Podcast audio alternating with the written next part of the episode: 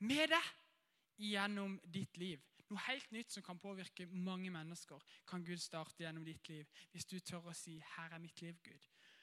Og I dag så skal vi ta liksom litt den andre sida av dette. Hva når jeg velger feil? Når jeg velger feil, når jeg gjør det gale, hva da? Kan jeg da si 'Her er mitt liv, Gud'? Og jeg håper, når jeg er ferdig med disse her 15-20 eh, minuttene, at du kan tenke deg inn i det. At uansett hva som skjer i mitt liv, så vil jeg si 'Her er mitt liv, Gud'. Det er iallfall min bønn. Noen av dere som kan fjellvettreglene, opp med en hånd. Oi, dere må iallfall ikke gå på tur i fjellet. Eh, det er i hvert fall, Jeg tror det er ti stykker. Hvis du vil gå på tur på fjellet eh, om vinteren, så må du kunne de.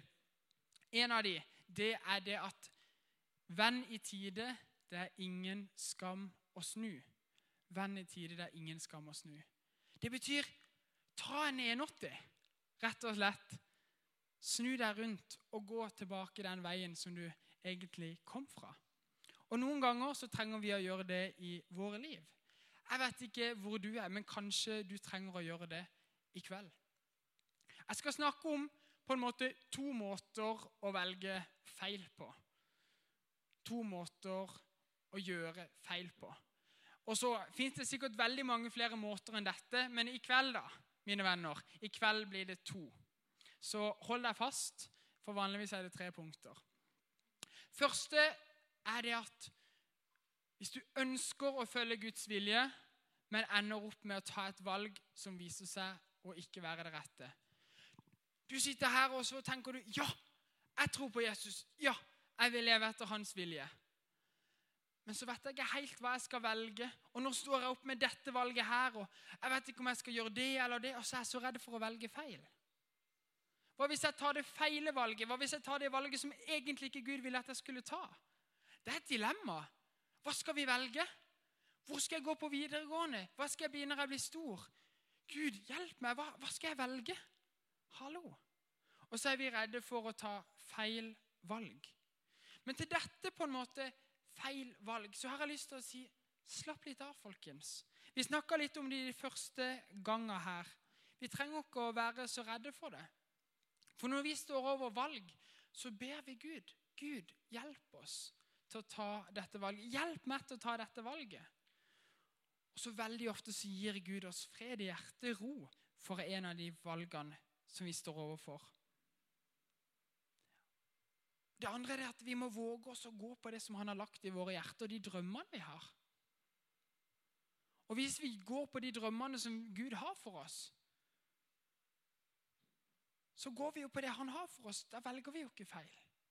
Så kan vi be Gud, er det det? Er det det som har lagt det ned på deg? Og så kan vi satse.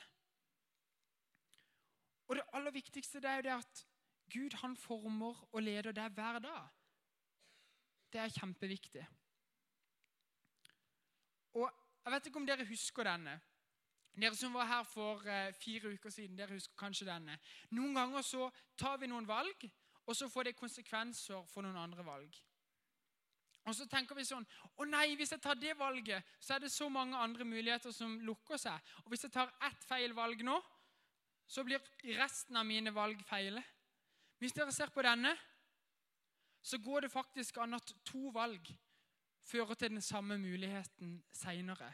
Fordi hvis Gud virkelig har lagt noe ned på ditt hjerte, så kan han få det til å skje om du så velger feil én, to eller tre ganger. Så slapp litt av med de valgene. For hvis du er opptatt av å leve etter Guds vilje og hans plan for ditt liv, da trenger du ikke å stresse så mye med de tingene der. For da er du opptatt av det, han, det samme som han er opptatt av. Men det som jeg skal bruke litt mer tid på å snakke om, det er når vi tar valg hvor vi ikke bryr oss om Guds vilje. Og vet du noe? Vi gjør det hele tida. Vi gjør det. Når vi egentlig tenker en stygg tanke, når vi på en måte sier noe om noen, når vi baksnakker noen, eller om vi gjør noe som Bibelen kaller for synd, eller noe som er galt, så går vi jo egentlig mot Guds vilje. Og det er jo litt dumt. Det er det. Og så kan du tenke at ja, ja, men for meg så er det ikke noe problem. Jeg ønsker jo å følge Guds vilje. Jeg ønsker å følge, og jeg har opplevd så mye, og jeg ønsker å leve sammen med Jesus resten av mitt liv, så no stress. Men det er faktisk sånn at til og med de som har opplevd, selv de som har sett og erfart mest av Gud, de kan ende opp med å snu Gud ryggen. Kanskje du har tenkt sånn Ja, bare jeg ser et mirakel, bare jeg får et sånn skikkelig bønnesvar, bare jeg erfarer Gud masse, da skal jeg tro på Gud og alltid følge Hans vilje, følge alt som står i Bibelen, for da vet jeg det. Men det er faktisk sånn at mange av de som har fått det store bønnesvaret, som har opplevd disse tingene, likevel så ender de opp med å snu Gud ryggen. De gjør andre ting. Vi skal se på eh, en venn her i Bibelen som heter Salomo. Salomo han var altså en konge som vi leser om i Det gamle testamentet. Dette er lenge siden. Og Salomo han opplevde nettopp det som jeg snakka om. For det første så opplevde han at Gud talte til han i en drøm. Han fikk en drøm, og så sa Gud noe til han i den drømmen. Det står i første kongebok. Og så, ikke nok bare var det én gang. Han fikk samme drømmen to ganger hvor Gud viste seg foran i en drøm. Det er sterkt. Det er flott. Da kan du jo ikke ende opp med å ta feil valg. Da kan du ikke ende opp med å gå mot Guds vilje. Kan du det? Og så bønnesvar. Han opplevde også å få bønnesvar. Han ba Gud om ikke han kunne få et klokt og godt hjerte, sånn at han kunne være vis og ta gode avgjørelser. Det spurte han Gud om. Og han fikk et hjerte som var så klokt og så forstandig som aldri noen før eller siden hadde fått. Det betyr at Gud gjorde han megaklok, rett og slett. Og han var en av de smarteste, beste kongene. Hvis du leser i Bibelen, så er det et sted som heter Salomos ordspråk. Det er visdomsord på visdomsord på visdomsord. Det er han vi snakker om. Det var skikkelig bønnesvar. Og ikke nok med det, så ble han skikkelig velsigna Han levde dritbra liv sånn materielt sett også. Ikke nok med det, mine venner. Han hadde også denne erfaringa av Gud. Det var som På den tida så hadde de bygd et stort tempel som eh, de skulle ha kista med de ti bud inni. På den tida så var, ikke, eh, så var, det litt annerledes hvordan mennesker erfarte Gud. Så den kista med de ti budene, der var Gud veldig sterkt til stede. Så når de skulle sette inn denne kista med de to steintavlene med de ti bud, inn i det tempelet, det store bygget som de hadde bygd, så var det skikkelig skikkelig sterkt. Det står det at Gud ble som ei sky, og som fylte hele det bygget.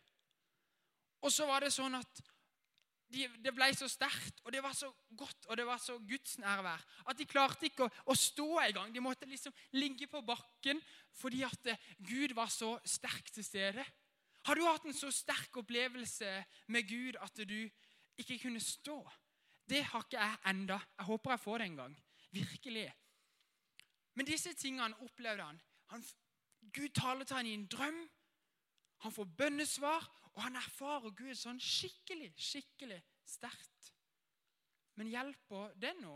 Tar han likevel valg som er etter Guds vilje resten av sitt liv? Nei, han gjør ikke det. Litt seinere leser vi at han tar seg ganske mange koner. Hold dere fast.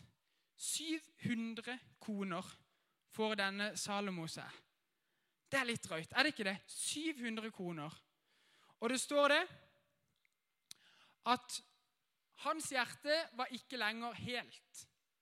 Fordi at disse konene de dro han liksom vekk fra Gud, og så fikk han veldig fokus på det. Jeg skjønner jo det, hvis du skal på en måte gjøre 700 koner happy. Det, det krever litt energi. Kanskje pappaen deres strever litt med mammaen deres, og så skulle du liksom ha 699 til. Det er ganske mange. Men det gjorde at hjertet sitt var ikke lenger helt med Herren hans Gud. Og så står det slik hans far, Davids hjerte, hadde vært. Så det det står her, det var det at hjertet til Salomo det var ikke kobla på Gud. Men derimot David, som var faren til Salomo, som var konge før han, der var det annerledes. Og det fikk meg til å tenke ja, men da må vi jo se litt på han her. Så vi får en ny venn nå, og han heter David. Han så egentlig ikke like koselig ut. Men det er rett og slett ikke den ekte, hvis noen trodde det. Det er rett og slett bare lagd en film om han. Så han forrige var heller ikke ekte. Det er ekte personer, men bildene er fake. altså. Sorry. Jeg har ikke noen fra den tida. Det er ganske mange tusen år. Men om David så blir det sagt at han var en mann etter Guds hjerte. Oi, så flott. Tenk det. Være en mann etter Guds hjerte. Da gjorde han sikkert alt rett. Da tok han sikkert alle de rette valgene som Gud sa at han skulle gjøre. Men hva er det han er mest kjent for? Noe av det han er mest kjent for, det er det at han lå med kona til naboen sin, som også var eh, kriger, en av lederne for hans hær. Ah, tenk det, hæ? Det er dårlig stilt. Så ble hun gravid. Vet du hva han gjorde da? Den eneste lure løsninga. Han sendte mannen til hun her ytterst i krigen og så sa at alle skulle trekke seg bort, sånn at han omkom. Dørfeigt, hæ? Skikkelig, skikkelig råttent. Først så ligger han med kona til en annen mann, så hun blir gravid, og så får han han drept. En mann etter Guds hjerte. Går det an? Åssen kan han være en mann etter Guds hjerte? Gud, åssen kan han være en mann etter ditt hjerte? Det var noe som var annerledes med David enn det som var med Salomo.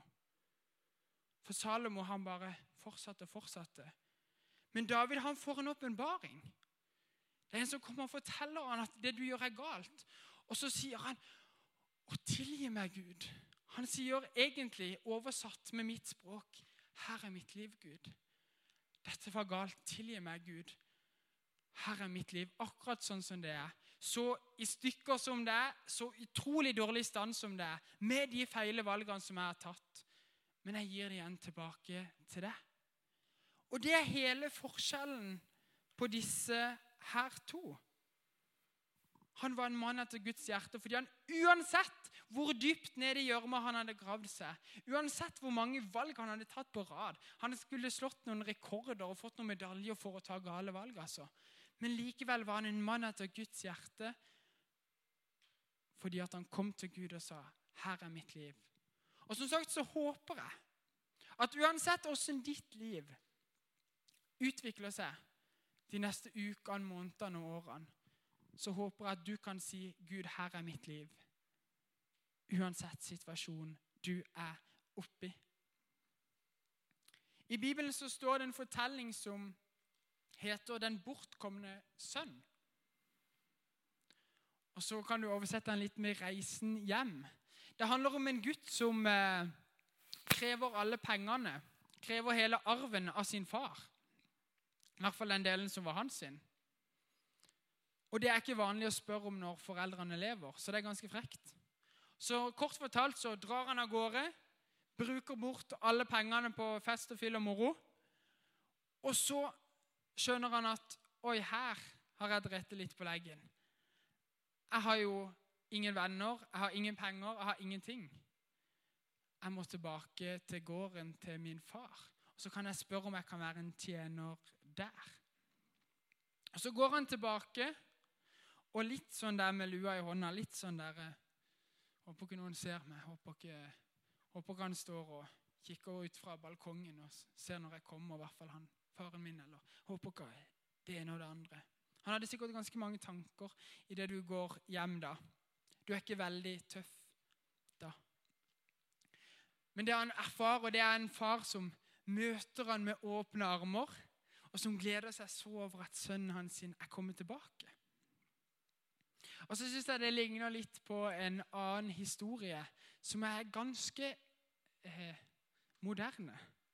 Er det noen av dere som kjenner han her? Jeg er fan, altså. Justin Bieber. Han er fet, altså. Men han Jeg husker når meg og min tvillingsøster så på DVD med han her. Eh, filmen om Justin Bieber som heter 'Never Say Never', tror jeg. Jeg tror jeg har sett den fem ganger. Jeg er stolt av det. Eh, og så var det sånn at han var en kristen, og han ba. Og de ba før hver konsert. Fordi han var opptatt av Gud. Han var opptatt av at han skulle formidle noe mer og være noe mer. Og så kommer liksom livet litt, da.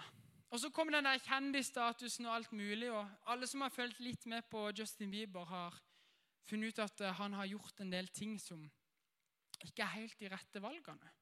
Tatt noen dumme avgjørelser, rett og slett. Og så kommer han for en liten tid siden tilbake. Og så skrev han en sang som het 'Purpose'. Og når jeg på min eh, Spotify eh, går inn der og så ser 'Behind the Lyrics', det må dere gjøre, da står det litt om hva som er bak denne sangen. Og bak denne sangen så står det I denne pianoballaden synger Justin Bieber om hans tro og relasjon til Gud. Selv om Gud ikke er eksplisitt nevnt i teksten, henger det sammen med hans offentlige uttalelser om tro. Bieber sa til Billboard jeg var nært ved at berømmelsen tok helt knekken på meg. Han sa at han følte seg tom, borte, som om han ikke lenger kjente seg selv. Som kjent begynte Bieber å gråte etter å ha fremført What Do You Mean på en konsert i 2015. Når Jimmy Fallen spurte han om det, sa han jeg følte meg fordømt, og jeg ønsket så sterkt å vinne at jeg risikerte alt. Bieber fortalte kompleks. jeg kan ikke lene meg på mennesker. Jeg må lene meg på Gud. Jeg må stole på Han gjennom alle forhold. Og så kom han med denne tweeten We all go through things. God is good. Og Så sier dere at livet til Justin Bieber har vært perfekt siden dette. Men når du hører på denne sangen, når du hører på teksten, så hører du at det, det er en som har funnet veien hjem.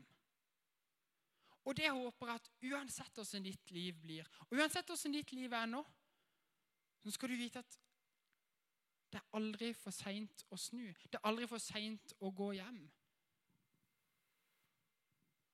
Og den som står og tar imot det, det er Gud. Det er denne faren fra denne fortellinga som står med åpne armer. Du kan aldri gjøre noe som er så galt at Gud ikke vil ha deg tilbake. Det er alltid tilgivelse, det er alltid nåde. Vi kan alltid komme til Gud. Det vi trenger å si, det er bare 'Her er mitt liv, Gud'. Akkurat sånn som det er. Du får meg igjen akkurat sånn som jeg er. Og så måtte jeg bare ha med et sitat her. Inntil deg som kanskje føler at uh, du har Gud litt på avstand, eller det er litt krevende. En veldig kjent fyr som har sagt dette. Det fine med Gud det er det at han slutter ikke å eksistere selv om du slutter å tro på han. Så selv om du noen gang i ditt liv skulle vende deg bort fra Gud og gå den andre veien, så er det ikke sånn at Gud detter sammen som et sånn korthus bak deg, hvor du tar vekk én ting, og så raser det sammen. Gud han står fast, han. Det er bare hva du velger å gjøre, om du har lyst til å gå den veien, eller om du har lyst til å gå den veien.